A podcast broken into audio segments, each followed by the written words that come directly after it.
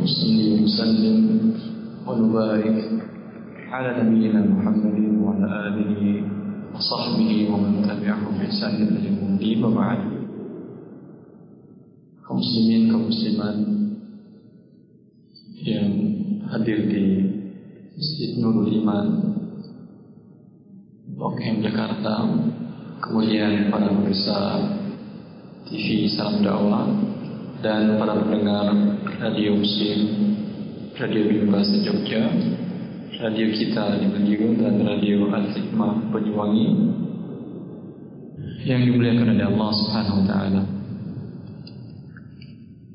Insyaallah kurang lebih satu jam ke depan kita akan membahas tentang fiqh Idul Adha dari kitab Zadul Mustaqni' yang disyarahkan oleh Syekh Muhammad Sallallahu Alaihi dan banyak ulama yang lain di antaranya juga Syekh Hamad bin Abdullah Syekhuna Syekh Hamad bin Abdullah Hamad ya. tentang salat al-Idain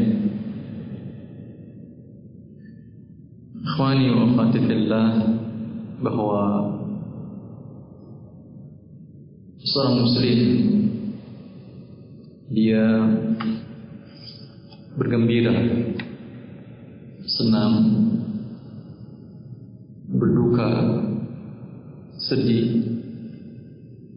Semuanya ada tentunya dalam Islam. Semuanya dijelaskan dalam Islam. Dan bergembiranya dia penyebabnya apa dan bersedihnya dia penyebabnya apa. Bergembiranya seorang muslim ditandai dengan selesainya dia melakukan sebuah amal ibadah kepada Allah Subhanahu wa taala dia selesai melakukan sebuah ketaatan kepada Allah Subhanahu wa taala maka dia bergembira telah mentaati Allah dalam perbuatan tersebut. Pada saat seseorang selesai melakukan ibadah siang Ramadan berpuasa penuh di bulan Ramadan selesai dia sudah terbenam matahari di waktu itu di hari terakhir bulan Ramadan maka dia mengagungkan Allah Subhanahu wa taala bergembira, sukacita dan senang. Dan keesokan harinya dia melakukan salat Idul Fitri. Munasabah ini wadihah. Bahwasanya dalam keadaan kita bergembira pun di, dihubungkan dengan suatu ibadah, dengan suatu salat sebuah perayaan, sebuah kegembiraan, permainan yang mubah dianjurkan pada hari itu. Sebagaimana Rasulullah SAW ketika beliau datang ke Madinah, beliau dapati orang-orang Ansar memiliki dua hari. Yang di mana di hari itu mereka yal'abuna fihima. Mereka bermain-main di dua hari tersebut. Kegembiraan. Faqal maka Rasulullah berkata Inna Allah qad abdala bi khairin min huma Aidil Fitri wa Aidil Adha Sungguhnya Allah Subhanahu wa taala telah memberikan kepada kalian ganti yang lebih baik daripada dua hari kalian ini yaitu Idul Fitri dan Idul Adha di sini ada kata-kata yal'abun fihima bermain. Tidak dinafikan oleh Rasulullah sallallahu alaihi wasallam. Yang dinafikan oleh Rasulullah SAW bergembira dan bermainnya mereka pada harinya, harinya dinafikan. Adapun sifatnya, hayahnya tidak dinafikan oleh Rasulullah SAW. Nah, pada hari ini seorang muslim bergembira Yal'abun Bermain Diriwayatkan juga bahwa Laki-laki dari Habasyah Melakukan permainan-permainan Seperti Olahraga memainkan tombak, hirbah, dan disaksikan oleh para sahabat yang lain. Karena ini memang hari-harinya seorang muslim bergembira. Dan menjadi aib. Dia dikaitkan dengan ibadah.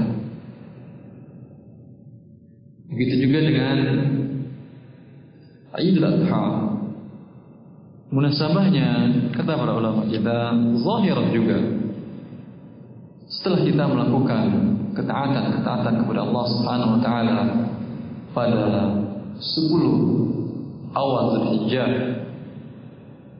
Ibn Rasulullah SAW mengatakan Ma min ayyamin al-amal salihu fihinna ahabbu ila Allah min hadhihi al-ayyam al-ashr Tidak ada satu hari pun sepanjang tahun yang amal soleh dalam hari-hari ini lebih dicintai oleh Allah Subhanahu wa taala daripada 10 hari ini. Lalu mereka berkatakan, wal jihad fi sabilillah juga tidak lebih baik jihad daripada amal-amal soleh hari ini.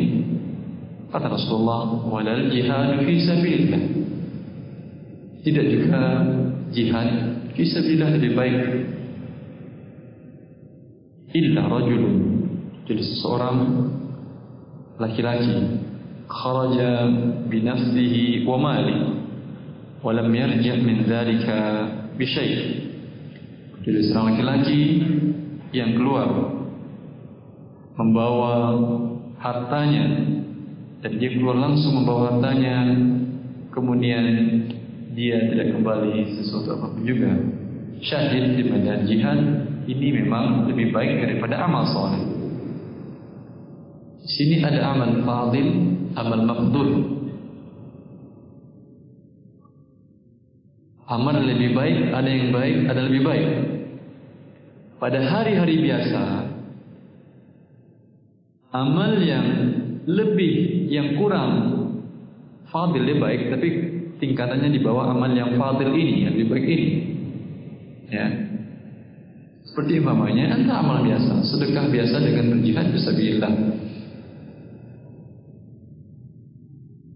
Lebih afdal mana berjihad fisabilillah atau bersedekah biasa? Lebih afdal berjihad fisabilillah. Di ini dia hari-hari biasa. Kalau kita pindahkan bersedekah ini, kita pindahkan kepada 10 hari Zulhijjah pertama Zulhijjah ini dan jihad tadi di luar 10 hari ini, lebih baik mana? Lebih baik bersedekah di 10 awal Zulhijjah ini daripada berjihad fi sabilillah di luar 10 Zulhijjah ini. Kecuali yang dia berjihad membawa seluruh hartanya, jiwanya keluar dan meninggal di situ. Kalau sekedar pergi berjihad saja, melihat perbuatannya saja, ya, maka lebih baik perbuatan yang di bawah itu derajatnya, tapi dilakukan pada 10 hari ini. Maka keutamaannya kembali kepada keutamaan hari bukan kepada keutamaan perbuatan. Karunia Allah Subhanahu wa taala. Allah yang menentukan perbuatan-perbuatan yang baik. Kemudian dia juga menentukan waktu-waktu yang baik. Bila dia mengatakan dengan lisan Rasulnya hadis dari Rasulullah SAW ini lebih baik, berarti pasti ini lebih baik. Maka keutamaan di sini adalah kembali kepada keutamaan hari-hari dan waktu-waktu. Maka al-amalu salih di sini mutlak. Apa pun amal saleh dilakukan. Tentulah seseorang yang dikatakan bahwa hari ini lebih baik daripada 10 hari. Walaupun dia melakukan amalan-amalan mafdul, dia akan berusaha maksimal mungkin. Sebanyak mungkin melakukan amalan-amalan yang bisa dilakukan oleh dia pada hari-hari ini. Karena ini paling baik sepanjang tahun. Walaupun dari siang hari Ramadan, walaupun dari siang hari Ramadan. Malam Ramadan tidak. Malam Ramadan Asyul Awakhir lebih baik daripada malam-malam 10 Zulhijjah ini. Ini adalah sini ayam siang dan bukan malam. maka tentulah seorang muslim dan muslimah mukmin dan mukminah dia akan memaksimalkan usahanya untuk mencari kedekatan kepada Allah Subhanahu wa taala pada hari yang mulia ini dengan amal soleh sebanyak-banyaknya yang bisa dilakukan oleh dia. Kalau saja jihad, dirwatus salam Islam, puncak dari amalan dalam Islam, kalah dengan amal soleh apa saja di hari 10 ini, maka tentulah seorang muslim dia menginginkan keuntungan perniagaan dalam beramal soleh memanfaatkan maksimal waktu-waktu ini. Seperti dia maksimal dalam 10 malam terakhir Ramadan. Ketika itu dia merasakan lelah, letih, dan ingin keluar sebentar dari suasana ibadah, maka diberikan waktu yang dia bermain, bergembira, tapi masih dalam keadaan dibenarkan yang mubah maka munasabahnya kesempatan cocok setelah melakukan amal ibadah yang mulia pada 10-10 awal ini isyaratkanlah kepada dia. Aidul Adha Yal'abun Mereka bermain. Sebelumnya mereka bermain Beribadah pagi hari ini dengan melakukan sholat. Tetapi muatan utamanya dari hari ini adalah al-laib. Melakukan hal-hal yang yang menggembirakan, menyenangkan hati. Sehingga kalau haji melalui pemimpin rombongan kantor dakwah di Riyadh membawa jemaat TKI Indonesia laki-laki saja ada sekitar 30 atau 40 orang bus begitu kita punya tenda sendiri sama di kantor dakwah satu payung kantor dakwah dari berbagai negara. Setelah siang harinya 10 Zulhijjah itu amalan-amalan haji kita lakukan mulai dari melontar bersyukur kemudian e, tawaf bagi yang tawaf dan di malam harinya setelah sholat maghrib setelah sholat isya itu seperti 17 Agustus Indonesia ramai. Mina. Lomba-lomba yang mubah ada yang tangkasan. Berbagai-bagai hal bergembira emang. Emang hari ini kita bergembira? Itu pun masih pada melakukan ibadah haji kita katakan ini mina. Tapi ini yang agun memang dibolehkan? Jadi ada hari-hari ini memang kita dimubahkan, dibolehkan bukan saja dikhususkan untuk beribadah kurban saja tidak. Gunakan waktu-waktunya ya untuk kita mengembirakan setelah kita melakukan amalan-amalan yang utama pada hari-hari ini. Ketika Rasulullah mengatakan sudah diganti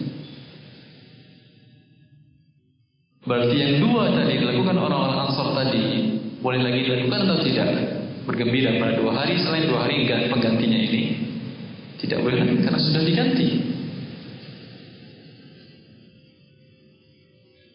Itu yang melakukan Rasulullah SAW. Maka kita sebagai Muslim tidak boleh menggantinya dengan hari-hari yang lain.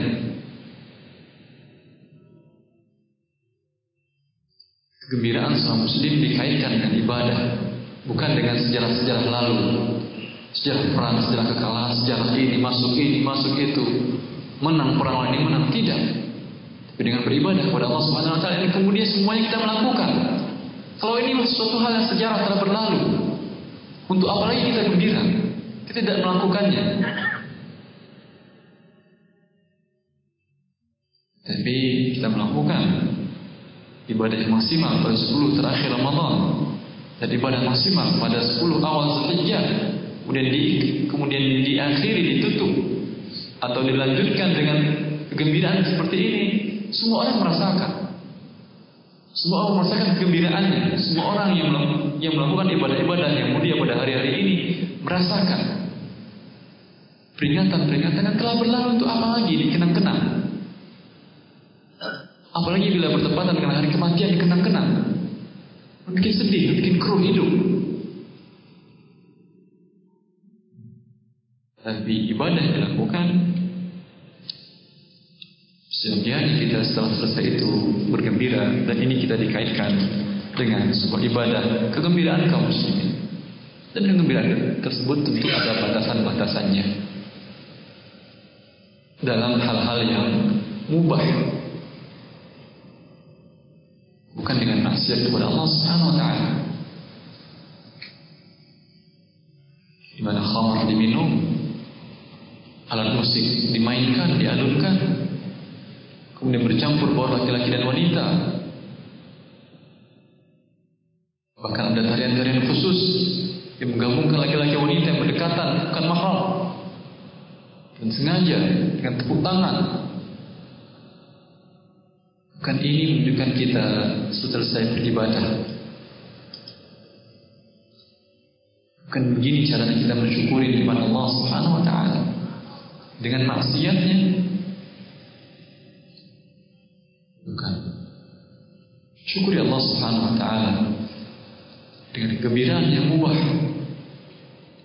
Pada hari Idul Fitri dan Idul Adha ini ini bukan hari khusyukan, bukan hari kita harus menangis, bukan. Tidak.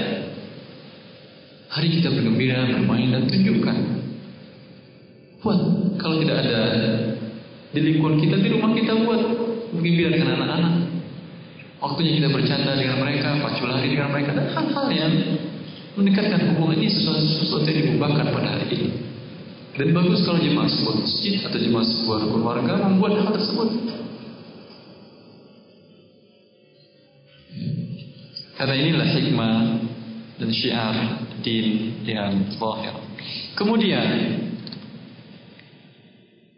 hari ini diawali oleh Islam Muslim.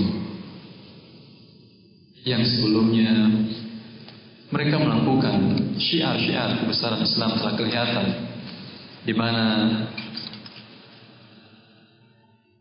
untuk Aidul Adha mereka sudah bertakbir mengagungkan nama Allah Subhanahu wa taala. Mulai dari awal-awal bulan Zulhijjah diriwayatkan antar dari beberapa sahabat bahwa mereka bertakbir, bertahmid dan bertahlil pada hari-hari ini. Dan bahkan ada beberapa sahabat yang sengaja keluar ke pasar Kemudian beliau bertakbir mengangkat suaranya Dan orang-orang pasar pun bertakbir mengangkat suara mereka Itu sudah dimulai dari awal-awal Ada pun yang takbir yang Muqayyad Dengan takbir Setelah Setiap selesai sholat fardu ya, yang diikat dengan selesai setiap sholat fardu ya dari beberapa asal para sahabat bahwa itu dimulai pada pagi hari Arafah.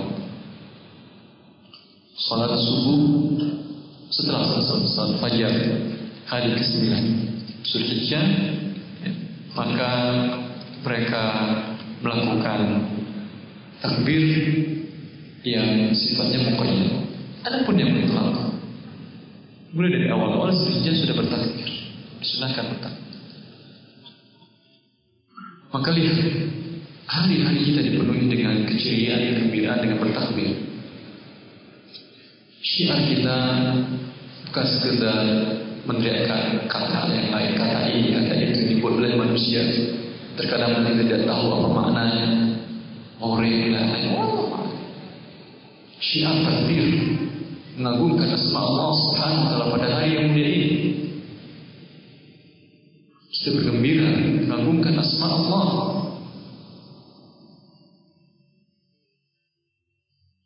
Ucapkan Allahu Akbar, Allahu Akbar. La ilaha akbar. Allahu Akbar walillahil hamd. Semuanya mengagungkan Allah Subhanahu wa taala. Allah yang besar besar dari segalanya. Tidak ada satupun yang menyamai kesalahan. Tidak ada ilah yang berhak diibadahi kecuali dia. Dia yang Allah Subhanahu wa taala besar saja. Hanyalah dia Allah yang maha besar. Dan seluruh puji-pujian dan sanjungan hanyalah miliknya. Begini seorang muslim, seorang manusia mengerti kata sandi yang mereka teriakkan, yang mereka lantangkan, ucapkan ketika bergembira. Bukan dengan kata-kata yang tidak ada maknanya, buatan manusia. Zikir. Walaupun syiar pada hari itu selain dia bermakna syiar memandangkan takbirnya, takbirnya ibadah dia kepada Allah. Berbeda kalau ada mencoba kata-kata yang lain, syiar merdeka atau lain-lain, tidak ada ibadah. Ketika syiarnya adalah mengagungkan asma Allah Subhanahu wa taala, selain jiwa Anda bergetar dan bergembira, Anda diberikan pahala oleh Rabbul Jalla fi'ula.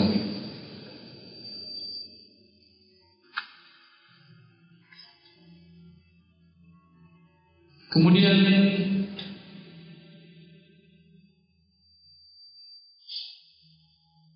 pada pagi disunahkan kita untuk membuka hari ini dengan suatu amal ibadah. Semua kaum muslimin diperintahkan untuk keluar mendatangi ibadah ini. Sampai pun wanita yang haid dan tidak boleh sholat juga diperintahkan keluar sampai pun gadis pingitan pingitan dia tidak pernah keluar dari rumahnya di rumah saja memang begitu gadis terbentuk begitu gadis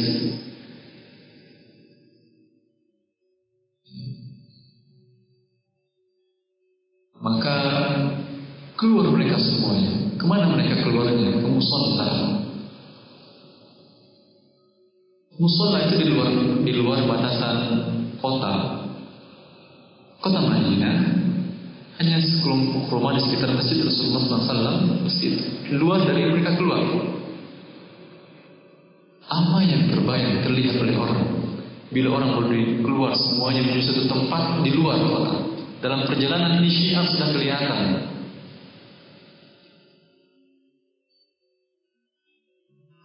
Dalam perjalanan mereka mereka bertakbir mengenal asma Allah sebagai dalam para sahabat. Ini luar biasa maknanya.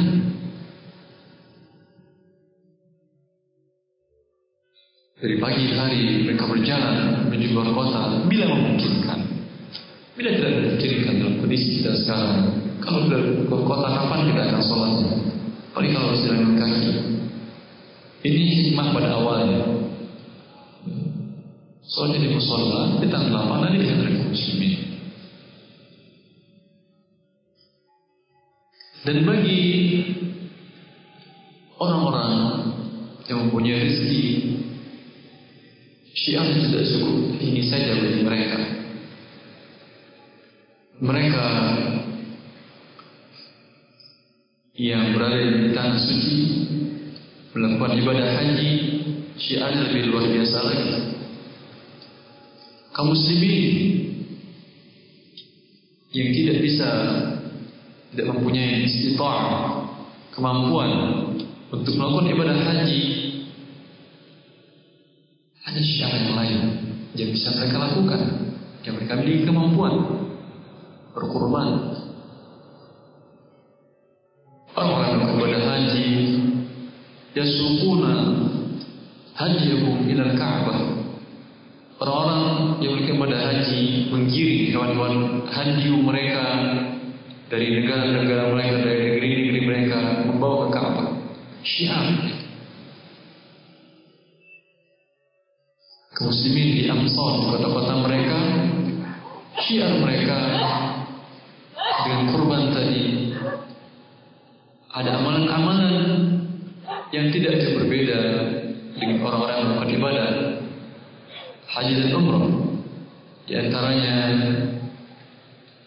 mereka dianjurkan untuk tidak memotong kuku, memotong rambut dan mengambil atau melepaskan kulitnya.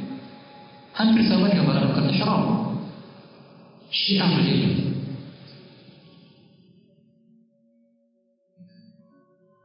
Maka bagi dia dia di pagi hari tersebut awal dia makan adalah makan dengan daging kurban. Dia tidak makan dahulu, sebagaimana Rasulullah SAW tidak makan dahulu kecuali pertama yang makannya adalah daging kurban.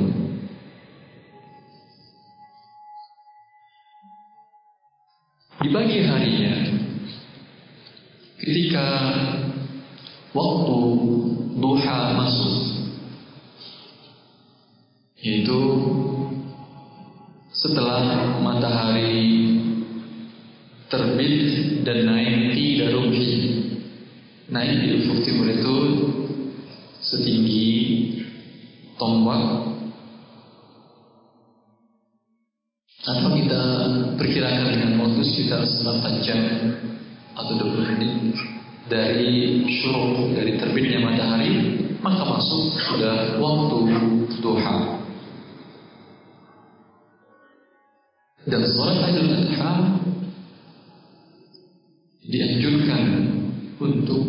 dilakukan lebih awal. Eh, hikamnya banyak. Pertama ini adalah mubadarah ila sholat. Jadi katakan Syekh Ahmad Muhammad bahwasanya ini adalah dalam rangka ibadah, percepat ibadah kepada Allah Subhanahu wa taala supaya yang besar.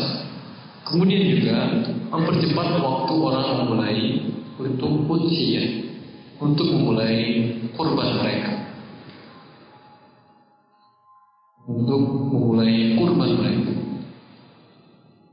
Dan mempercepat mereka bisa makan dari hewan kurban mereka.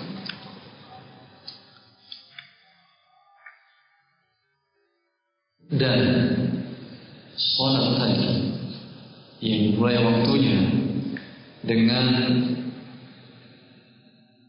Maksudnya waktu duha yang dilakukan sunnahnya adalah di tempat luas di lapangan yang di mana datang ke sana kaum muslimin dari berbagai penjuru.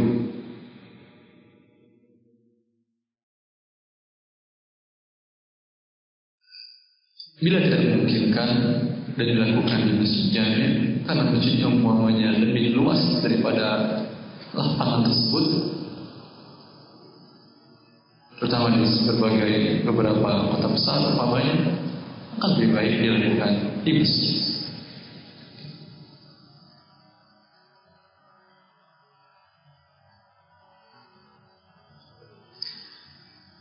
Kemudian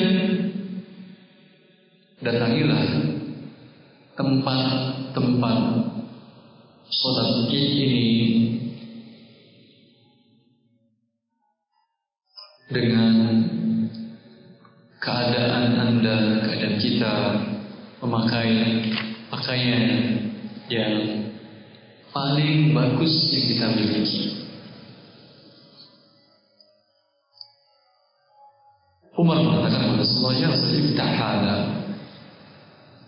lil wal wafdi ya. Rasulullah belilah pakaian ini yang bagus untuk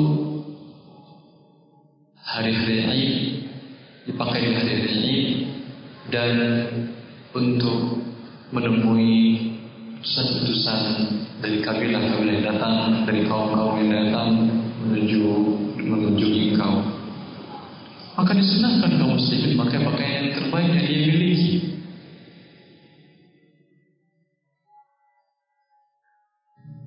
Bukan memakai pakaian yang biasa, tidak.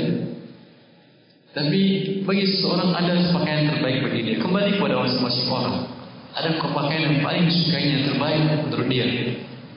Artinya kalau dia harus menghadapi menghadiri sebuah pertemuan yang khusus dengan orang-orang penting umpamanya dia pakai pakaian yang itu pakai pakaian yang itu yang paling bagus yang ada di itu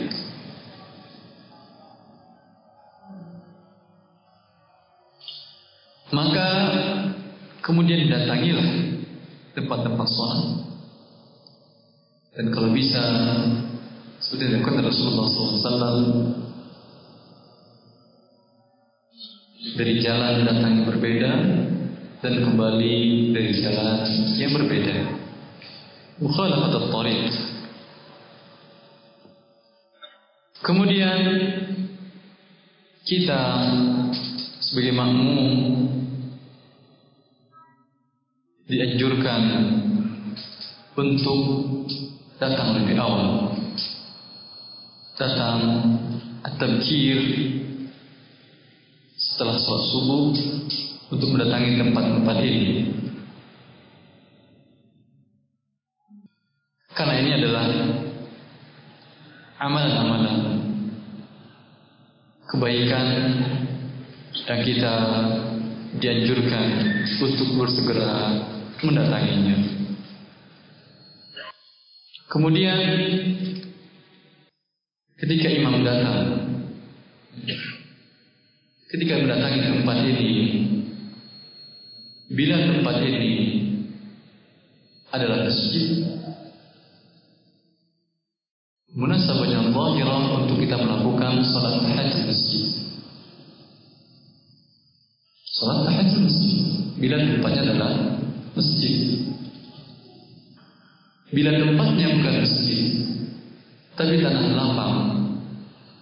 Diriwayatkan oleh Abbas dalam Sahih bahwa Rasulullah tidak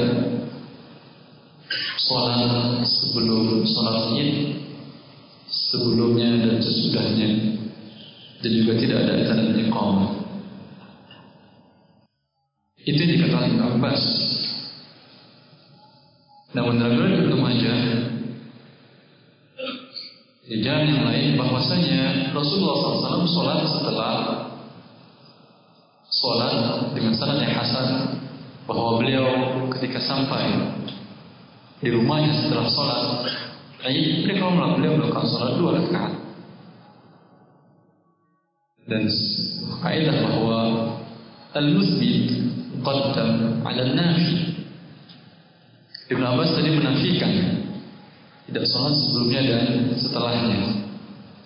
Tapi dan riwayat yang lain bahwa diisbatkan Rasulullah sholat setelahnya.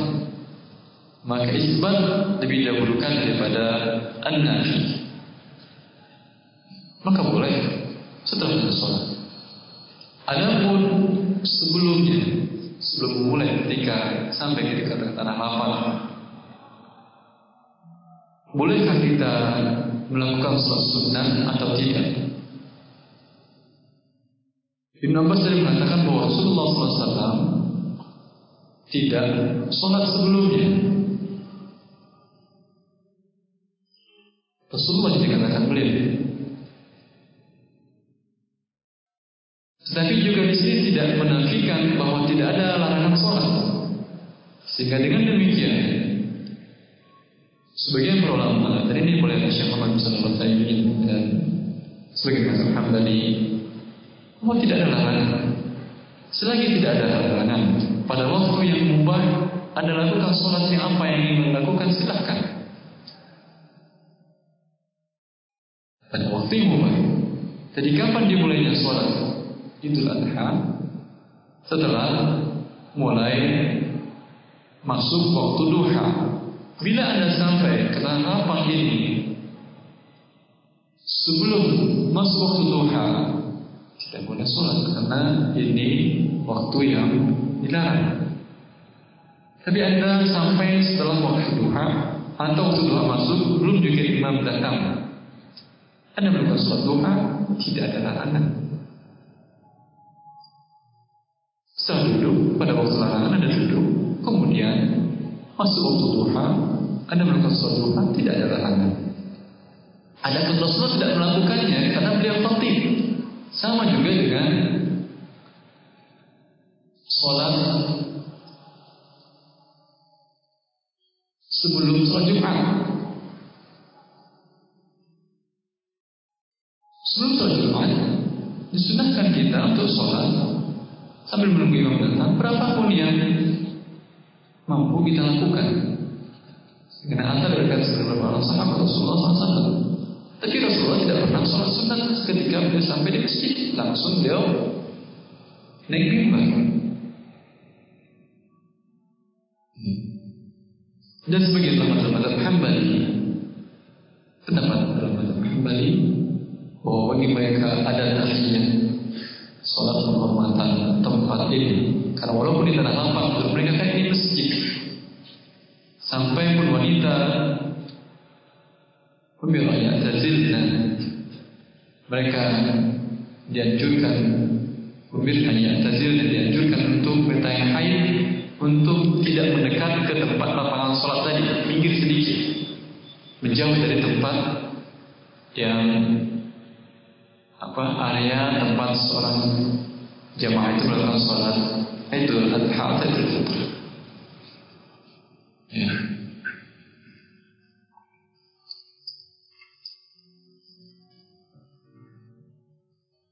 Kemudian wa yusalliha rak'atayn qabla al-khutbah.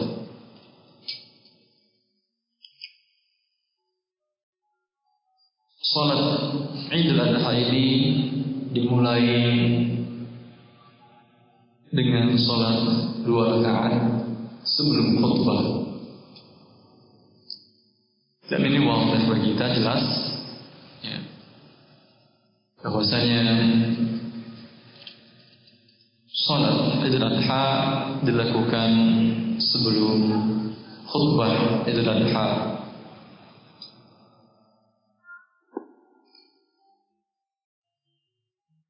يكبر في الأولى بعد الإحرام الاستفتاح وقبل التعوذ والقراءة ستا. وفي الثانية قبل القراءة خمسا.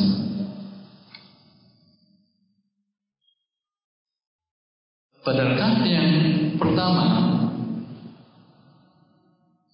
setelah takbiratul ihram seorang bertakbir sebanyak enam kali. Dengan takbiratul ihram jadi berapa dia? Tujuh. Pada rakaat yang kedua dia bertakbir lima kali.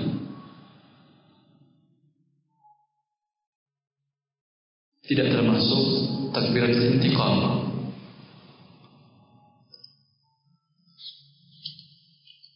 Pada takbir ini, takbir zawaid ini, takbir tambahan ini disunahkan juga untuk mengangkat kedua tangan setiap takbir tersebut. sebuah asal yang diriwayatkan dari Umar radhiyallahu anhu bahwa beliau yarfa'u yadayhi ma'a kulli takbiratin fil janazati wal 'id. Bahwa Rasulullah SAW mengangkat kedua tangannya pada setiap takbir sholat jenazah dan sholat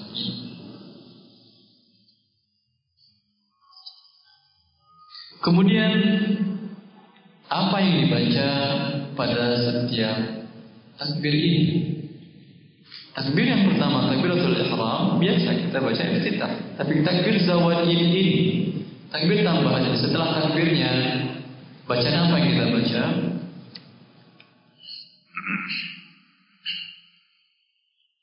Hasan berikan dari Ibn Mas'ud dan ini lafaz ini yang masyhur dalam mazhab Hambali. Kalau yang bisa kita baca apa biasanya? Subhanallah Alhamdulillah Wa la ilaha illallah Wallahu akbar. Asal berikan dari Mas'ud? Beliau berkata Yahmadullah. Wa yusni alaihi Wa yusalli ala Nabi. Ia bertahmid kepada Allah. Kemudian Memuji Allah menyanjungnya Dan berselawat kepada Nabi Muhammad sallallahu alaihi wasallam. Asal diberikan oleh At-Tabrani dalam Al-Mu'jam Al-Kabir dan Al-Baihaqi dalam Sunannya.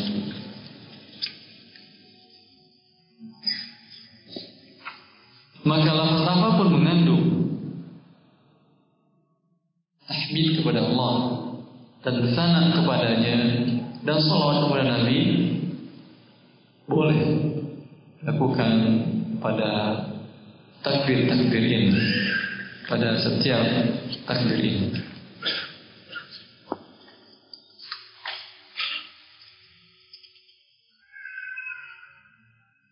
Karena ini lafaz yang kita kira katakan kata-kata yang akan diucapkan dalam Ibnu Mas'ud tadi umum. Beliau mengatakan yahmadullah wa yusni alaih wa yusalli ala nabi memuji Allah lafaz apa saja tidak dengan lafaz terikat sehingga al-muallif mengatakan beliau memilih lafaz Allah akbar kabira walhamdulillahi katsira وسبحان الله بكرة وأصيلا وصلى الله على محمد النبي وآله وسلم تسليما كثيرا ada salawat ada takbir kemudian ada tahmid ada mengunjungi memuji Allah Subhanahu wa taala in ahabba qala ghayra dhalik bila kita ingin dengan lafaz yang lain tidak ada masalah. Dan bahkan Syekh Muhammad Taimin dan muridnya Syekh Hamad mengatakan bahwasanya karena ini hanya asar hanya takbir dan maka tidak mengapa juga kalau tidak membaca apa pun bisa apa pun juga. Anda baca bagus tidak dibaca juga tidak ada masalah. Kemudian disunahkan imam tadi membaca pada rakaat yang pertama dengan serbihis pada rakaat yang kedua dengan al-ghashiyah. Bila selesai maka disunahkan bagi imam untuk berkhutbah dengan dua khutbah berkhutbah dengan dua khutbah dan khutbah ini hanya sunnah saja. Sunnah dalam istilah istihbab yang kita maksud dalam istilah para fuqaha. Siapa yang ingin dengar, silakan. Siapa ingin ke rumah memulai ibadah yang lain dengan berkurban, memulai pembelian hewannya, tidak mengapa. Rasulullah SAW pun mengatakan dalam hadis yang dekat dengan Abu Dawud dan Nasai dan Ibnu Majah dan Ibnu Khuzaimah inna nakhtub. Faman ahabba yajlis lil khutbati wa man ahabba yadhhab falyadhhab. Kata Rasulullah, kami akan berkhutbah. Maka siapa di antara kalian dan ingin duduk mendengarkan khutbah pada majelis. Dan siapa yang ingin beranjak, falyadhhab, silahkan. Maka di sini tidak ada keterikatan kita lagi dengan imam. Selesai sholat Walaupun imam belum selesai khutbah, kita bisa dibolehkan untuk memulai penyembelihan. Bagi ingin segera untuk menyembelihnya dan ingin mendapatkan sunnah dengan memakan makanan yang pertama masuk ke dalam rongganya pada itu dari hewan kurbannya, maka hendaklah dia bersegera. Segera melakukan hewan kurban. Tapi bagi yang tinggal dan mendengarkan khutbah, bagi dia adat-adat majelis masih berlaku. Dia terjadi insaf, diam dan mendengarkan khutbah. Jangan lantaran ini tidak merupakan sebuah keharusan wajib. Kemudian dia bikin kegaduhan di sini maka tidak dibolehkan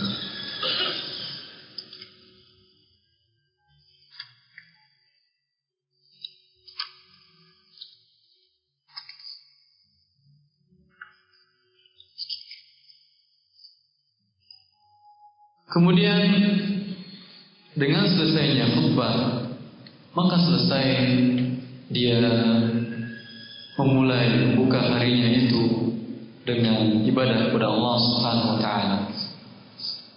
Lanjutkan yang lain yaitu dengan memotong hewan umpamanya berkhutbah berkurban dengan memenuhi adab-adab berkurban yang sebelumnya adalah larangan Kemudian selesai dia berkorban. Hari-hari ini adalah hari-hari bergembira. Maka manfaatkanlah kegembiraan ini dengan melakukan hal-hal yang mubah. Membuat acara-acara, kegiatan-kegiatan yang mengembirakan. Ini bisa kita katakan sunnah. Kalau ada sekelompok orang yang menghidupkannya karena berbeda di negara kita. Negara kita yang ramai itu kalau 17 Agustusan.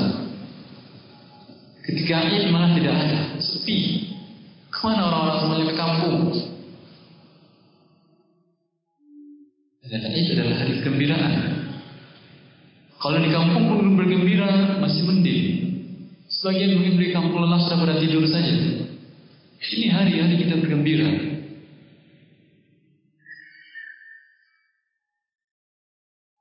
Maka yang berusaha yayasan, lembaga atau kelompok masyarakat yang berusaha menghidupkan hari ini mematikan bid'ah 17 Agustus tadi.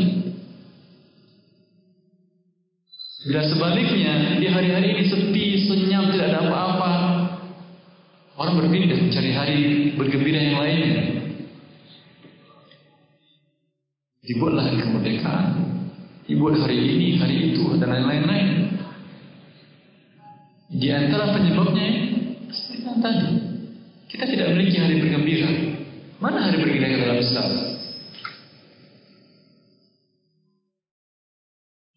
Tidak ada. Dan sifat tabiat manusia menginginkan istijmah, menginginkan istirahat sebentar. Dalam hadis yang Rasulullah mengatakan, "Walakin ya hamdulillah sa'atan sa'ah." Allah mengatakan bahwasanya kalau dia mendengar majlis Rasulullah SAW seolah dia dekat dengan akhirat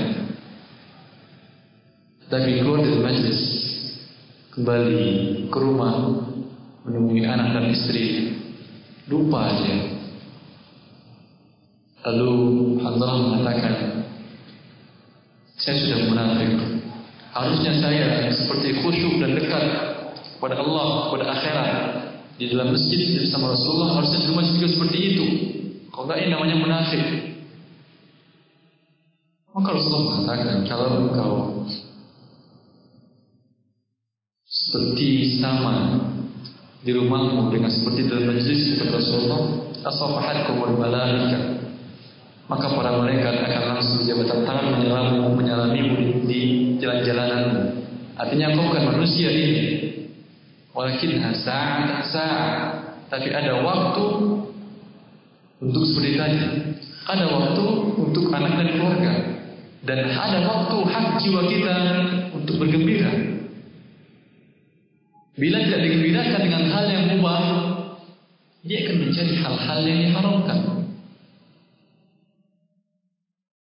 Allah dia setiap, setiap hari jadwal dia keluarga semua pengajian pengajian taklim taklim. Gak pernah ada rehatnya rumah tangga ini. Hari ini taklim aja pagi di sini sore di sini malam di sini.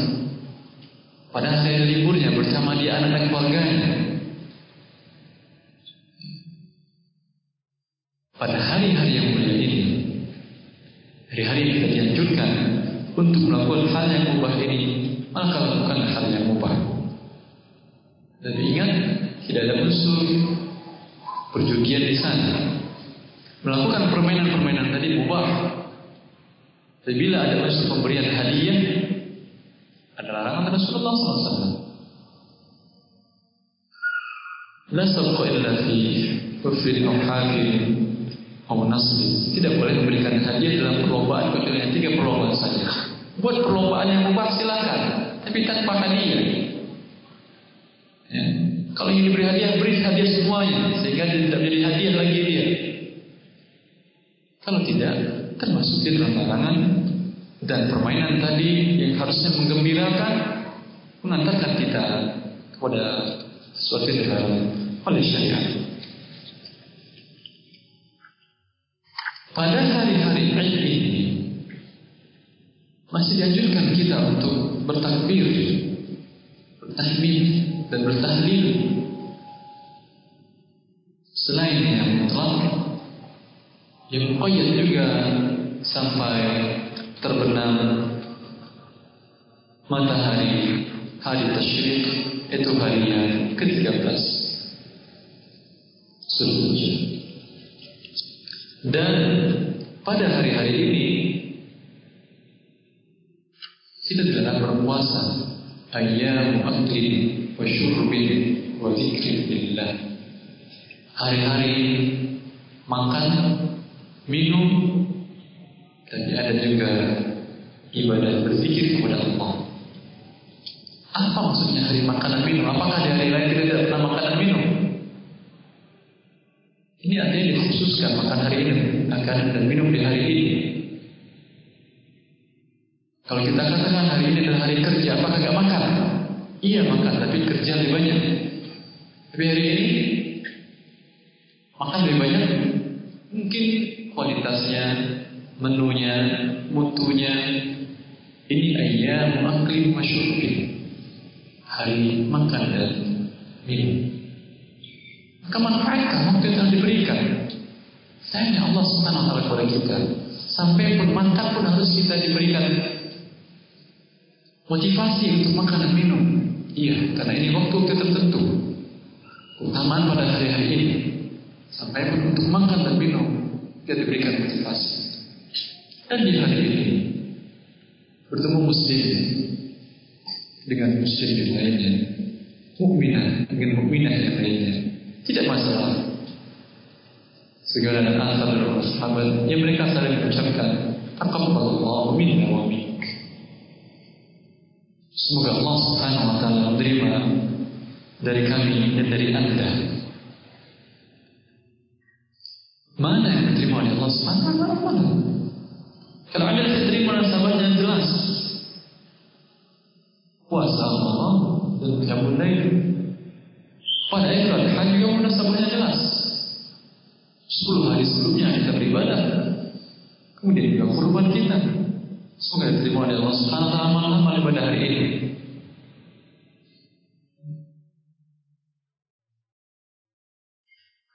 Ya. Bukan kata-kata yang mudah. Bertemu kepada Allah menamami dan menunjukkan doa-doa yang lain. Syiar kaum muslimin mereka bertemu saling mendoakan doa yang paling baik. Semoga Allah Subhanahu wa taala menerima amalan dan bila saja kita mengetahui satu amalan kita diterima oleh Allah Subhanahu wa taala Taulah kita di waktu itu kita adalah orang yang terbaik. Satu amalan saja yang dikatakan amalan Nabi Fulan diterima. Dicap dari Allah Subhanahu Wa Taala kesaksian bahwa anda adalah orang yang baik. Karena Allah akan menerima dari para orang yang bertakwa. Innama yataqabbalu Allahu minal muttaqin. Allah hanya saja menerima amal-amal tersebut dari orang-orang yang bertakwa. Jika anda dicap dalam bertakwa, maka ma'iyatullah bersama anda. Allah bersama anda. Inna Allah ma'aladzina taqaw. Allah bersama orang-orang yang bertakwa. Bila Allah bersama anda, Kebahagiaan yang luar biasa. Kalau saja makhluk dengan makhluk yang lain ingin dia untuk bersamanya, padahal makhluk yang dirindukan untuk bersamanya ini terkadang lebih buruk daripada binatang. Orang yang mengidolakan orang kafir ingin dia dekat, ingin bersama sampai siap mati untuk mendekatinya. Sebegitunya dia. Orang yang bertakwa dia bersama penciptanya. Maka ini ma'iyah bersamaan yang luar biasa. Kebahagiaan dan ketenangan jiwa. Dan kemenangan yang tiada taranya. Maka seorang muslim mendoakan muslim yang lainnya agar diterima amal ibadahnya ini ucapan yang paling agung dan paling mulia pada hari-hari ini.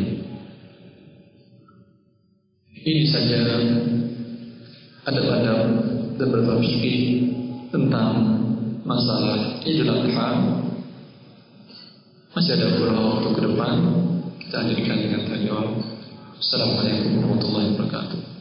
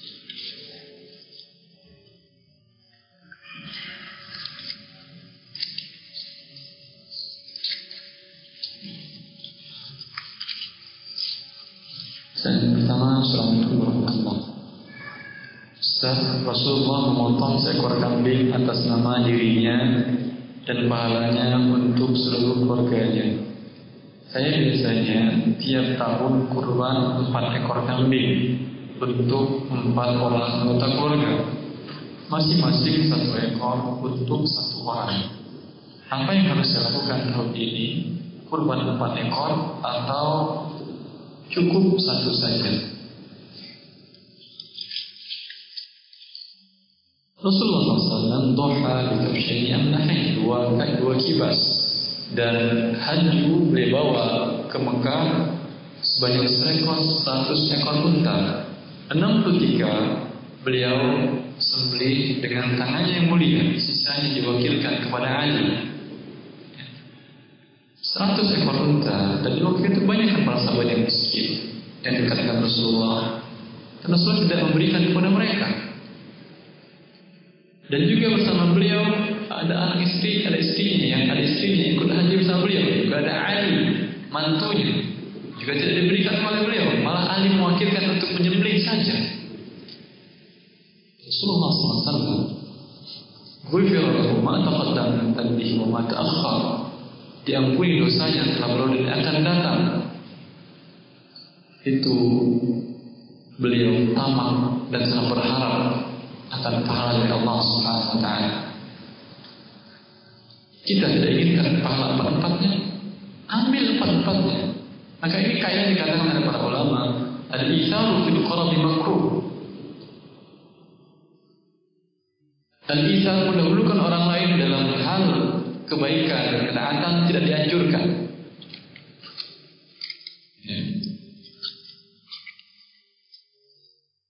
Maka ambil empat-empatnya dan atas nama kita. Allahumma hadha anil wa ahli bait. Allah ini dariku dan dari keluarga rumah, keluargamu. Ya. Anda mendapatkan empat pahala dan mereka pun mendapatkan empat pahala. Kalau Anda atas nama cuma satu, satu untuk Anda. Dan untuk mereka masing-masing satu. Sekarang tidak. Empat, Anda dapat empat, mereka dapat empat, mereka dapat empat. Tapi kita keluar dari logika bahwasanya tidak Rasulullah SAW tidak memberikan kepada sahabatnya, hadiah kepada yang lainnya, ambil semuanya. Semoga keluarga kita juga mendapatkan pahala dari amal ibadah kita tersebut. Allah Taala.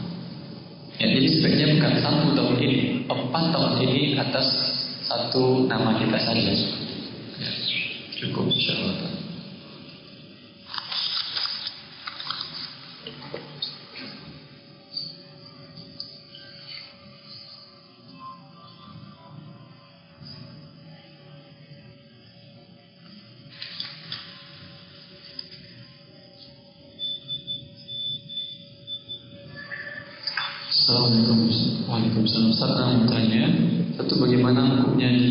berkurban sapi dari hasil uang satu orang untuk satu sapi Dan sisa enam orang lagi hanya diikut sertakan dalam niat orang yang membeli sapi tersebut Tanpa ikut patungan untuk membeli sapi Dia mampu membeli satu sapi Gitu Boleh tidak untuk namanya sendiri?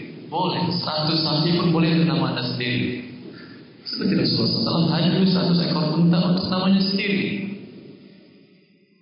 Boleh.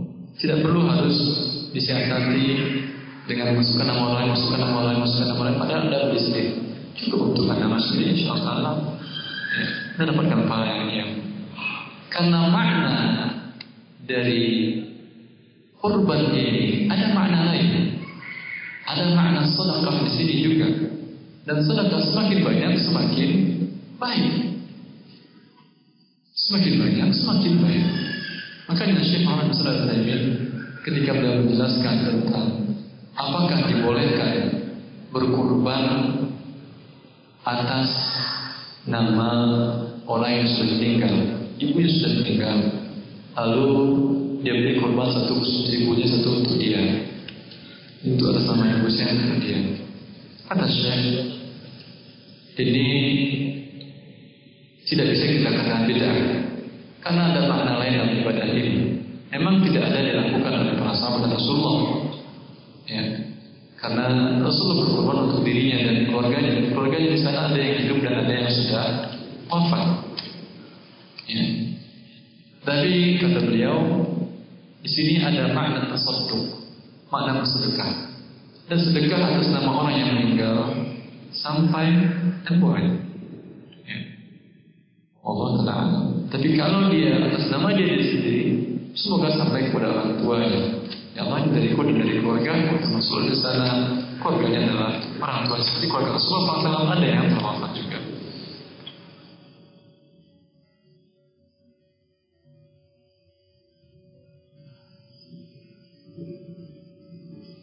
Uh, memotong kuku dan memotong rambut larangan ini khusus hanya kepada siapa yang berkorban tadi. Kalau berkorban suaminya, larangan untuk dia. Larangan untuk dia. Untuk anak istrinya, tidak. Boleh dia memotong kuku dan memotong rambutnya dan mengambil kulitnya.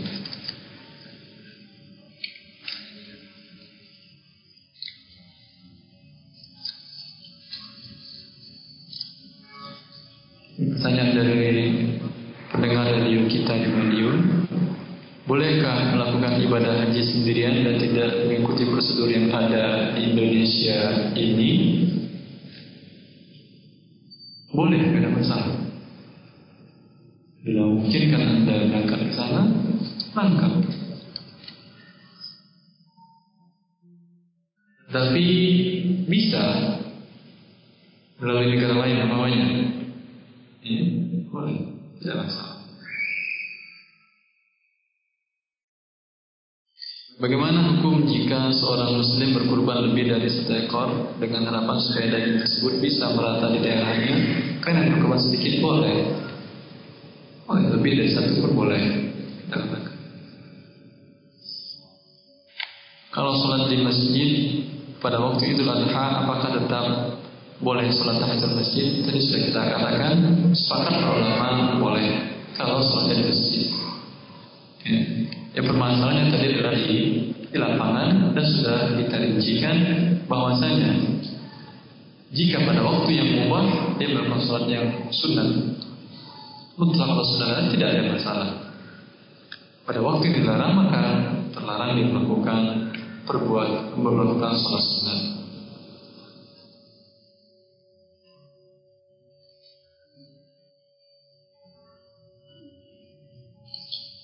sunat. Assalamualaikum warahmatullahi Apakah ada tempat-tempat yang dilarang untuk dijadikan tempat pemotongan kurban?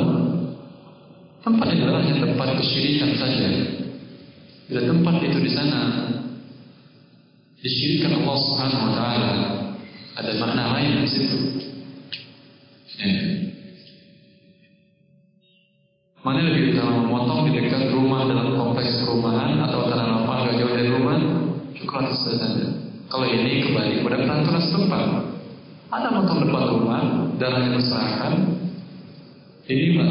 Merusak lingkungan. Kecuali rumah dan luas yang tanam dan segala macam yang tidak menyebabkan kepada mengganggu kerusakan lingkungan. Kalau sebagian negara seperti kalau dilihat di Saudi saya ingat bahwa pada musim-musim uh, pemotongan kurban itu disediakan pasar-pasar khusus beli hewan di sana dan tempat motongnya di sana sekalian. Kalau ingin motong sendiri bisa mereka bawa ke tempat sohron atau pinggir kota yang jauh dari dalam komplek perumahan.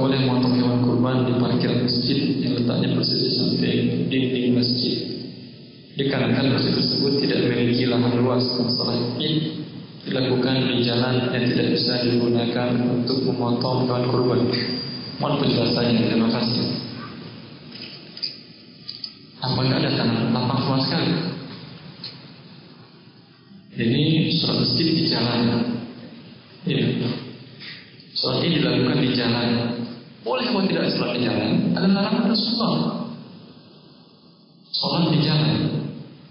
Tidak mesti setiap RW harus setiap masjid melakukan sholat ini tidak. Saya di beberapa kota di Indonesia main bijak satu kecamatan mereka hanya bikin titik tertentu tanah laut tanah lapangan bola kaki atau apa mereka pinjam dan muslim mengumpul di sana bukan setiap masjid jumatan mereka bikin sholatnya karena bila cuma sama dengan Jumat syiarnya berkurang so Jumat sholat di masjid Misalnya musola di luar di luar perkampungan Hikmahnya orang kuat, syiar jalan. Ketika ini ditinggalkan syiar tidak ada lagi, maka mereka bikin syiar dengan takbiran. Sekarang dengan ada syiar, sekarang bikin takbiran. Maka lihat, bila suatu sunnah ditinggalkan, maka bid'ah akan kemunculan. Salat di jalan tidak dianjurkan. Larangan Rasulullah SAW di itu ada hak orang di sana.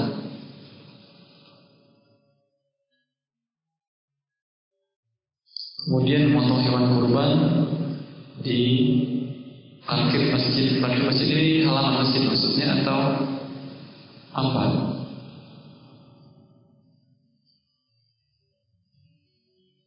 Persis di samping dinding masjid.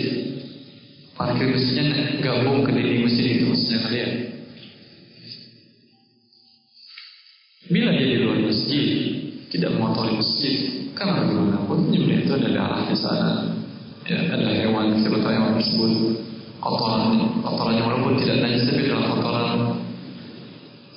Kemudian darahnya adalah najis, debu, belum lagi gaduh, panitianya dan segala macam. Tidak ada tempat lain yang tidak merusak, mengganggu orang beribadah di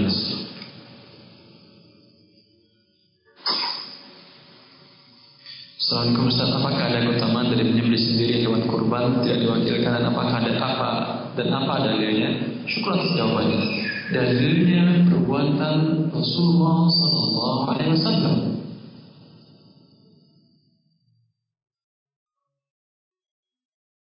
Enam puluh tiga hadiunya onta, unta, capek atau tidak diberinya itu? Sendiri dia yang diwakilkannya sedikit. Kita hanya beri satu satu-satunya amalan kita. Kita kasih kepada orang. Tidakkah Anda memerlukan pahala dari Allah? Sudah banyak pahala Anda sehingga perlu dikasihkan kepada orang? Ini ibadah. Ini ibadah. Anda menyembelih itu ibadah. Dan ibadah pada dasarnya sebaik-baiknya dilakukan sendiri.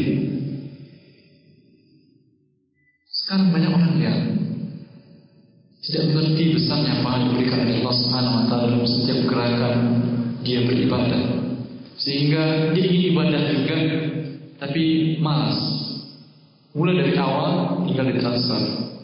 Kambingnya entah di mana, tas sembelihnya di mana, cukup atau tidak kambingnya tidak, dilihat pun tidak, tahu-tahu sudah berbentuk kornet, dikirim ke mana pun dia tidak tahu, ini kalau mending masih kepada lembaga yang amanah. Kalau kepada sebuah lembaga penipuan, hanya ini ibadah ya. Bukan sekedar maksudnya membantu ngasih daging tidak. Kalau semuanya maksudnya ngasih daging, 100 Tentu kita berpikir secara logika bahwa Rasulullah SAW panggil sahabat. Mau nggak sahabat saya dipanggil Rasulullah? Mau. Fulan tolong kamu sembelih ini. Fulan sembelih ini. Saya wakilkan, saya wakilkan. Manis. Cepat lagi selesai. Kita langsung makan seluruhnya. Tidak. 63 unta. Ini kita satu kambing. Maka nikmati beribadah ketika punya ini. Kalau anda punya takut, tendang kambing dan segala macam, dan gak berani, pandang kata lawan kambing yang takut apalagi lawan musuh. Ya, maka nikmatilah ibadah ketika menyembelih ini. Kalau belum tahu, belajar. Tanyakan bagaimana caranya. Yang penting rukun dan syaratnya terpenuhi dalam menyembelih dan gampang. Wanita masa sahabat menyembelih hewan kambing pakai batu karena dia melihat hewan milik tuan yang mengembalakannya jatuh dan akan meninggal. Maka dicarinya batu yang tajam ujungnya yaitu cadas maka disembelih perbuatan ini perbuatan pemberani. Karena bila tidak ini jadi bangkai. Telat beberapa saat saja dia kambing akan jadi bangkai. Dengan perbuatan jadi halal dan bisa dimakan oleh kaum muslimin bisa dimakan oleh tuannya Maka kalau anda wakilkan kepada orang yang tidak tahu siapa yang membelinya, jangan-jangan jadi bangkai sembilan anda. Sudah keluar uang, ternyata jadi bangkai. Ternyata dia tidak, menyebutkan bismillah. Kan dia buru-buru atau apa. Maka ini jelas bahwasanya melakukan langsung lebih afdal daripada mewakilkan. Kecuali seperti yang tadi kita takut umpamanya, ya, tidak berani juga untuk belajar, Insya Allah tidak masalah. Tapi yang ditanya yang afdolnya adalah bukan sendiri. Adakah sunnahnya puasa di tanggal 1 sampai dengan 9 Zulhijjah? Karena yang anda tahu puasa di tanggal 9 Zulhijjah saja. Tinggal ditambah ilmu anda. Anda yang tahu 9 Zulhijjah saja. Sekarang diberitahukan ada lagi puasa yang lain. Ya, pertama ilmu alhamdulillah dan ini diamalkan adalah Subhanahu wa berpuasa dan Ibnu Rajab mengatakan wa alaihi amal katsir amati ahli ilm banyak dilakukan oleh para ulama dan ini dianjurkan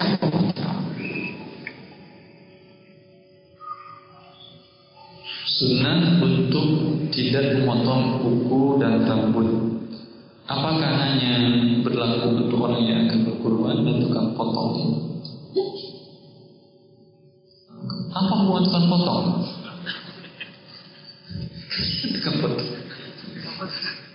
Enggak ya, bukan tukang potong enggak ada hubungan di sini. Karena hadisnya, "Idza dakhalat al-'ash wa arada ahadukum an yudhi fala ya'khudh shay'an min sya'rihi wa bishratihi.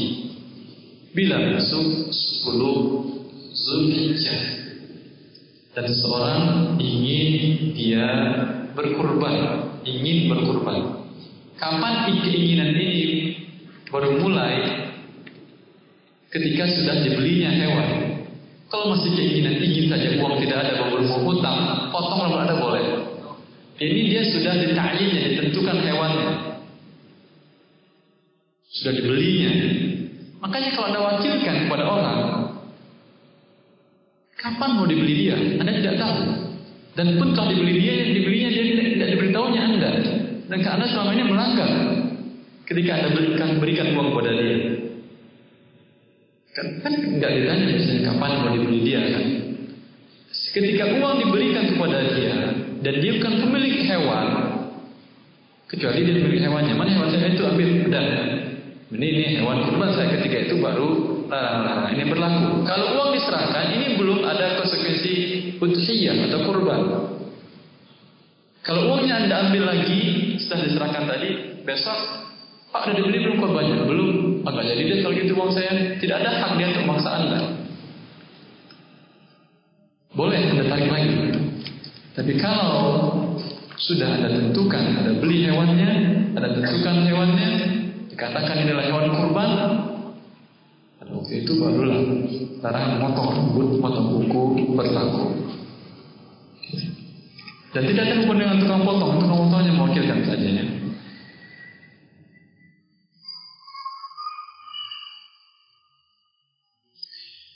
Salat Id hukumnya sunnah atau wajib. Khilaf para ulama dalam hal ini pendapat yang dipilih oleh banyak para ulama asirin dan ternyata pendapat Syekh Taimiyah bahwasanya salat salat Id hukumnya adalah wajib Allah taala. Jika hari ini jatuh bertepatan di Jumat, maka dibolehkan untuk tidak sholat Jumat jika sudah sholat Id. Dibolehkan dia untuk tidak sholat Jumat, ya, dibolehkan dia untuk tidak sholat Jumat, tetapi dia harus melakukan sholat subuh. Yang gugur daripada dia simak untuk melakukan Jumat saja.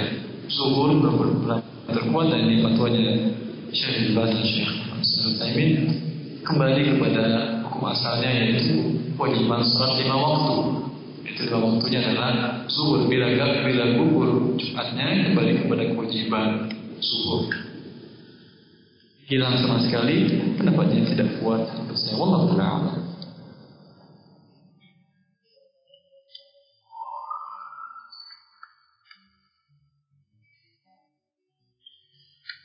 Ini pertanyaan dari pendengar radio Hikmah Banyuwangi.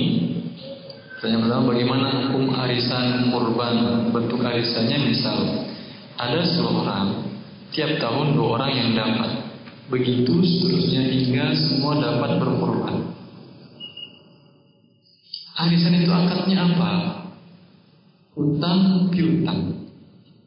Ya Allah, sampai pun sekarang ibadah pun kita harus utang juga. Tidak cukup utang rumah, utang mobil, utang motor, utang furnitur. Kurban harus utang. Tidak dianjurkan kita berhutang. Malah kalau kita punya hutang, bayar hutang dulu. Bila ada kelebihan cukup untuk membeli hewan baru Anda dikatakan mampu. Ini tidak, tidak dianjurkan. Berkurban ibadah kepada Allah Subhanahu wa taala. Mabniun 'ala. Utang hak manusia. Bila tidak dimaafkan, meninggalkan dan utang kurban tidak terbayar. Ini kan misalkan utang tidak terbayar. Bagaimana nasib rohani? Maka ini din yang mudah. Bukan untuk memberat-beratkan kita. Karena bila kita ikut dalam ini kita sudah punya hutang berat. Kita tidak tahu apa yang kita hadapi ke depan. Sekarang untuk kita kita mampu. Kalau mampu sekarang berkorban. Jangan hutang lagi. Kalau menurut kita belum mampu ya hadis saja dikatakan wa arada ahadukum. Masuk 10 Zulhijjah masuk Wa ahadukum ketika itu baru ada dia keinginan. Ini harisan kalau dia dua orang setahunnya sepuluh orang berapa tahun ini? Lima tahun. Gimana kalau disyariatkan tidak potong rambut? Karena keinginannya. Maka din ini memudahkan kita bukan untuk memberatkan kita. Ya. Ketika masuk awal Zulhijjah, ketika itu lihatlah kemampuan kita. Mampu rasanya untuk berkorban ini keutamaan yang besar di Allah Subhanahu wa taala dan dianjurkan. Bahkan Allah mengatakan fasalli li rabbika wanhar. Salatlah untuk Rabbmu dan menyembelihlah hewan kurban untuk Allah. Suatu iman ibadah yang luar biasa. Tapi amal ibadah ini maksudnya tadi. Bukan dengan cara berhutang. Bila itu.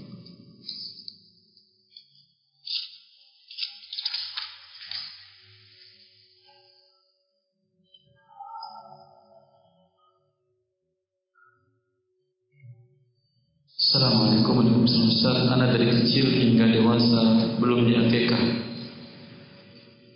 Manakah yang anak harus lakukan? Berkurban di hari atau melaksanakan akikah?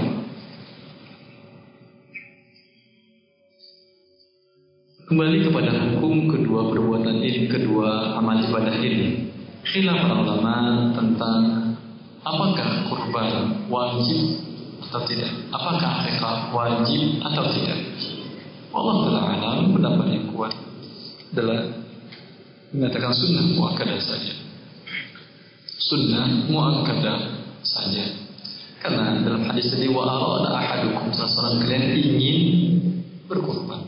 Kalau korban hukumnya wajib, ingin tidak ingin Anda harus lakukan.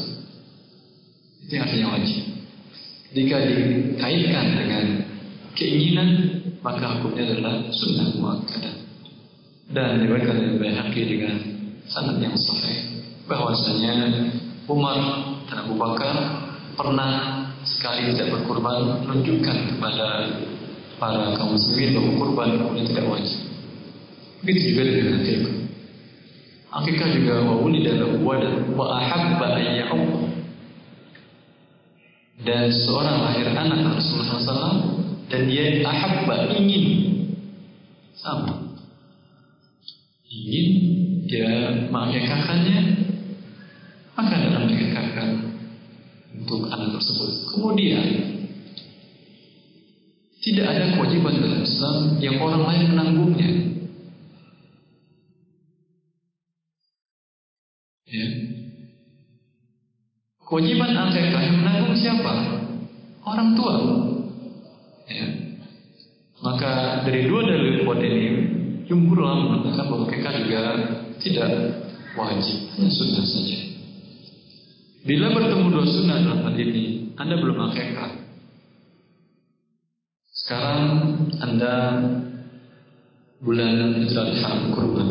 Akekah disunahkan pada hari ketujuh oleh orang tuanya ke-14, ke-21. Bila, bila tidak mampu dari kapan pun. Bila juga tidak mampu, ya.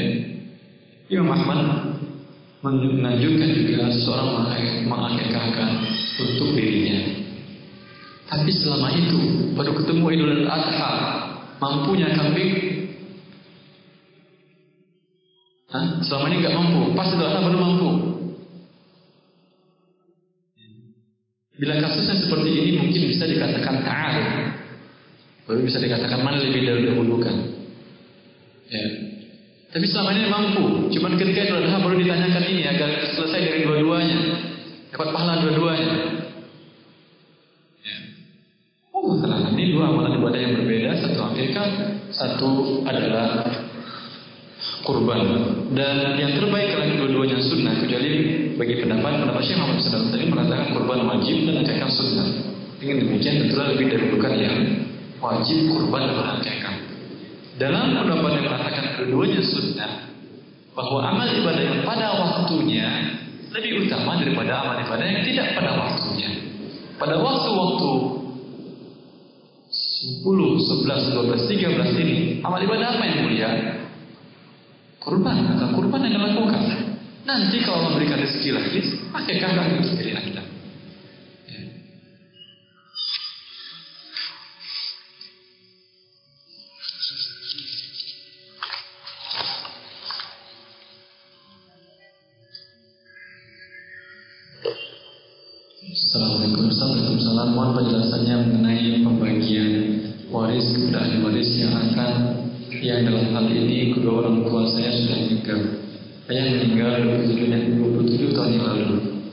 meninggal 20 tahun yang lalu.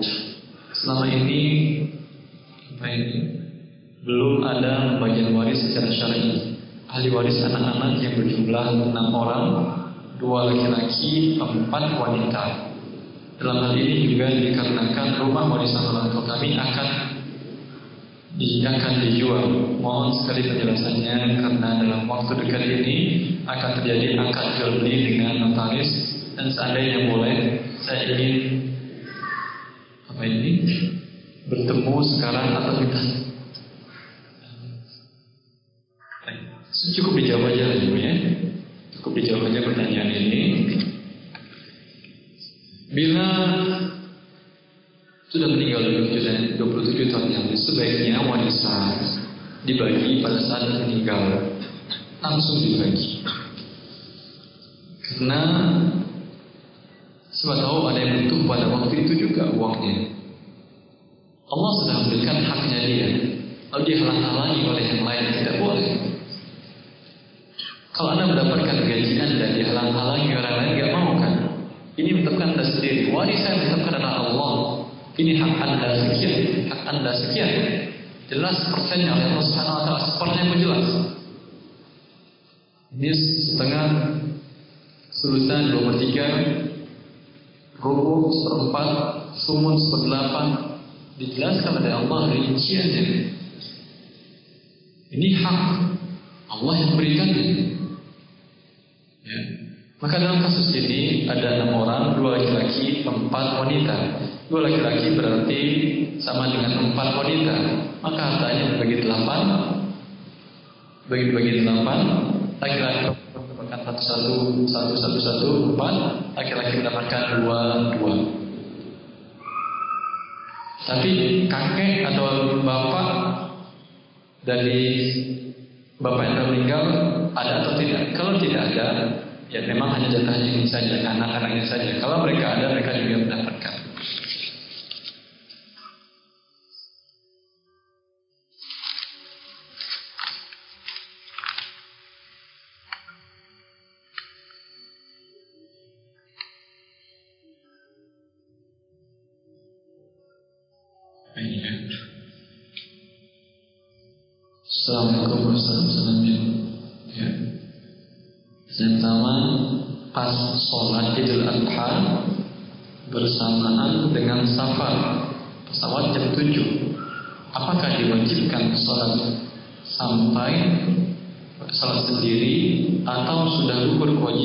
Sholat idnya sholat id dan jumat wajib kepada orang yang mungkin yang musafir tidak wajib sholat kalau tidak wajib sholat, bolehkah dia diganti?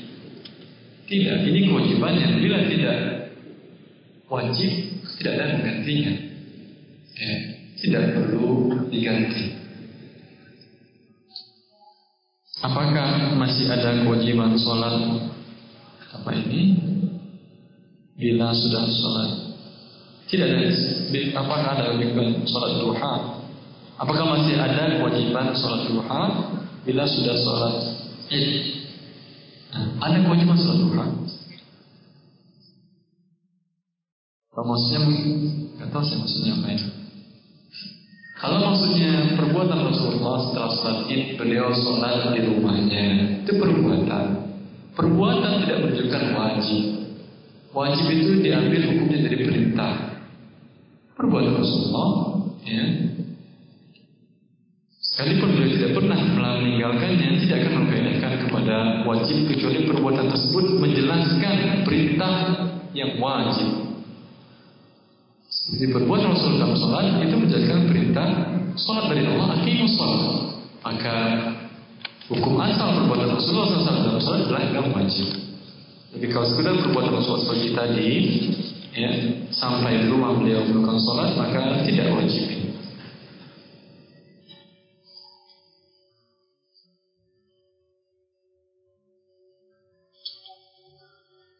Bagaimana kalau tukang penyembelih jagal sudah dikasih upah di luar harga hewan, tapi masih minta bagian kepala?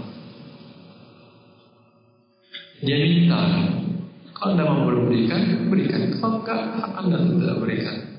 Tidak bisa dikatakan ini upah saya karena upah sudah diberikan. Kalau dia minta atas nama hadiah yang diberikan tidak masalah. Ya. Tapi tidak ada berikan, tidak masalah juga. Bagaimana kalau kulit hewan dijual sudah ada pembeli? Yang jualnya siapa ya? Hasil penjualan bolehkah dibeli diberikan daging untuk dibagikan lagi ke fukara? Kulit kita tahu juga kita bihi sedekahkan Bila Anda menjualkan, kemudian dibeli daging lagi, disedekahkan, terlalu panjang Anda untuk mensedekahkannya dan khawatir. Namanya uang masuk kembali lagi ke kita, itu syaitannya besar itu ya. Menggoda kita, ah pakai dulu aja, terganti lagi, ah pakai dulu aja, terganti lagi. Tidak. Sedekahkan kulitnya sekali. Nanti pakai baju itu terserah dia. Apakah dijual dia? Terserah dia. Karena sudah menjadi hak dia. Sudah tidak korban lagi di tangan dia. Di tangan anda adalah korban. Tidak boleh ada jual belikan.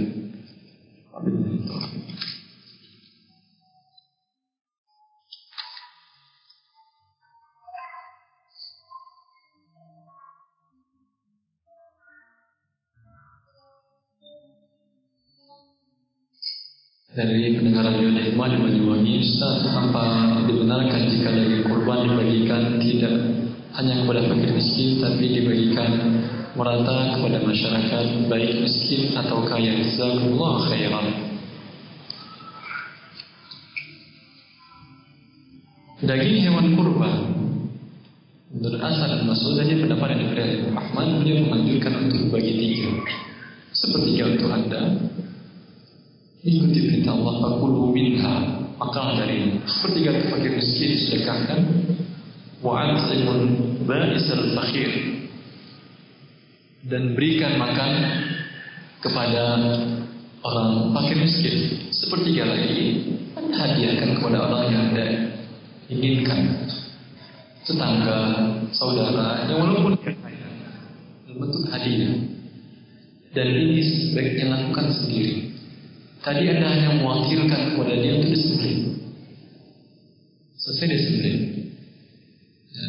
Sekalian wakilkan untuk dikulitkan, sudah kulitin, potong sekalian, potong sekalian. Distribusi juga diwakilkan.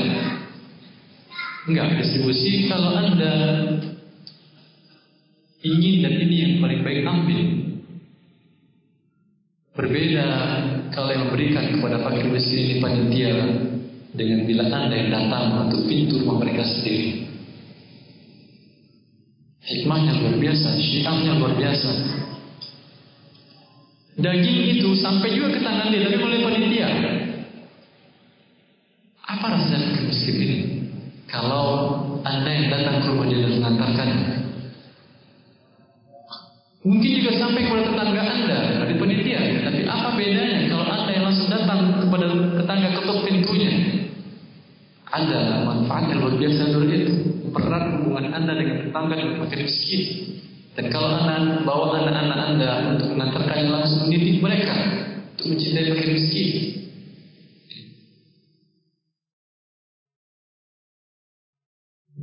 maka lakukan sendiri lebih baik. Kalau tadi diwakilkan mungkin berat silakan. Ngantar juga berat lagi.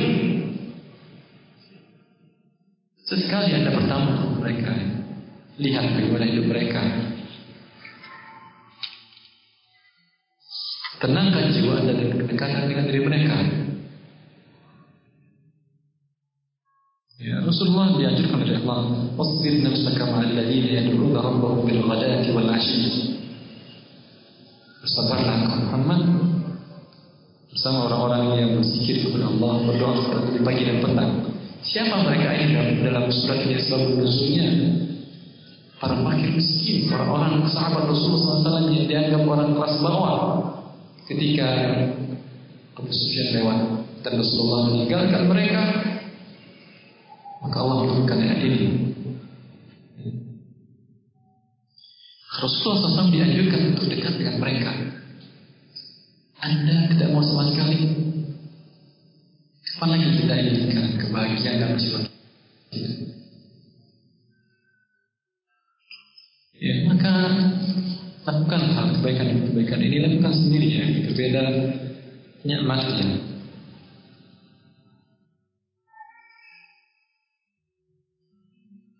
Ali bin Husain Zain al-Abidin ya, cucu dari Ali, cucu dari Rasulullah SAW, ya, tidak malu dia mengangkat gandum dibawa ke rumah-rumah para janda dan tidak ada yang tahu malam hari dia membawa. Ini dijelaskan oleh para ulama sejarah. Nasab yang mulia tidak menghalangi dia untuk mencari pahala dari Allah. Beda ya, kalau antum angkat sendiri dan terangkat sendiri, kenikmatannya dan antarnya, dampaknya kepada jiwa anda luar biasa. Sebab kita mau mengikuti yang lebih baik untuk diri kita sendiri dan muslim. Dan selanjutnya, Assalamualaikum warahmatullahi wabarakatuh. Ya, ini sama menggabungkan kurban dengan akikah.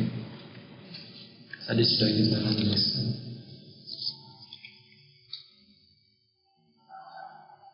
Assalamualaikum Ustaz, apakah ada puasa tertentu ketika sebelum sholat Idul Adha? Bukan puasa, karena puasa yang puasa? Menahan dari hal-hal membatalkan makan dan minum dari terbit fajar sampai terbenam matahari. Ada nggak puasa sampai selesai sholat? Tidak puasa namanya. Tapi apakah dianjurkan menahan makan dan minum sampai selesai sholat untuk Idul Adha Rasulullah SAW memang menahannya tapi pernah menjelaskan liman ida toha bagi orang yang berkurban hikmahnya agar dia makan yang pertama dimakannya lagi kurban anda yang tidak berkurban kalau berpuasa nanti mau makan apa juga anda eh. maka tidak kita katakan dia mukhalafatus sunnah seorang yang makan di pagi hari sebelum berangkat melakukan sholat idul adha jika dia tidak berkorban.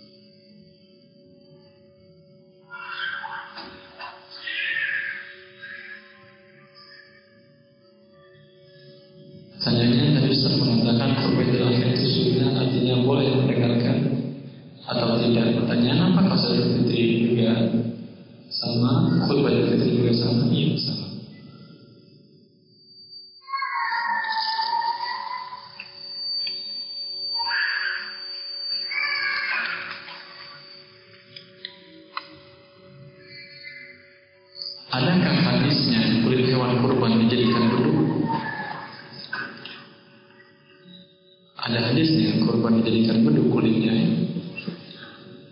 Rasulullah tidak ada beduk ya. Ataukah ini bid'ah? Tidak, kalau dianggap ibadah dan kalau hewan kurban, ikan kurban disedekahkan kulitnya.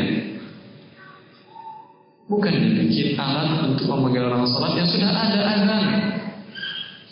Bukankah sejarah azan mengajarkan kepada kita bahwa salah sahabat apa yang diusulkan dengan dia? Nafus, lonceng seperti loncengnya orang Nasrani memanggil, memberikan tauran waktu, atau buk trompet seperti orang Nasrani. Apa yang diberi Rasulullah? Sahabat yang bermimpi, tolong Zaid bermimpi ya dengan nafas azan. Kemudian muncul orang di abad akhir ini ingin baru lagi beduk Tadi sudah dulu sudah dinafikan oleh Rasulullah lonceng, trompet, beduk. Ya. Maka hewan kurbannya hilang sedekahnya, kemudian ditambah melakukan hal yang tidak dianjurkan dalam agama Subhanahu wa sudah ada ganti yang lebih baik. Kalau tadi Rasulullah SAW mengganti menjadi lebih baik, ini dia ganti lagi menjadi buruk tentu penggantinya karena sudah sempurna. Bila sempurna diganti dia menjadi tidak sempurna dan menjadi tidak baik lagi.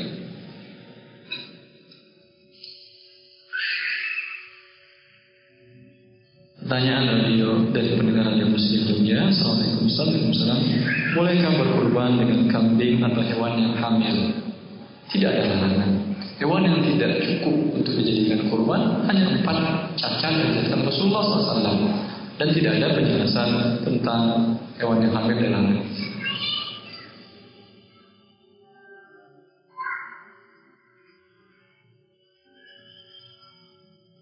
Bolehkah di antara tanggal 9 Zulhijjah berbuka? Ini kan tidak wajib. Hanya sunnah. Boleh ya boleh. Atau semua harus berpuasa. Ya, semua harus berpuasa lebih baik. Semampunya. Memang dalam dalam dalam Muslim bahwasanya uh, Rasulullah SAW tidak berpuasa satupun pada hari sembilan ini. Imam Ahmad mengatakan dalam menggabungkan ini dengan amalan hadis-hadis yang lain yang menunjukkan amal ibadah yang dia pada hari ini bahwa ini maksudnya Rasulullah yang dilihat oleh sahabatnya tidak berpuasa pada hari tertentu maka baik juga kalau ada berpuasa seluruhnya atau beberapa hari tidak berpuasa padanya.